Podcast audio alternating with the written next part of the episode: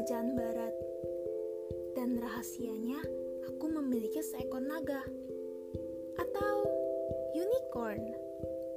Atau aku adalah seorang mata-mata yang bertarung dengan kelompok penjahat bawah tanah. Semuanya itu terasa sangat nyata di malam hari. Kenapa?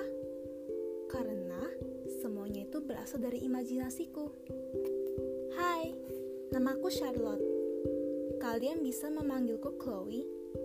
Di sini, aku akan bercerita tentang semua imajinasiku kepadamu. So, stick around.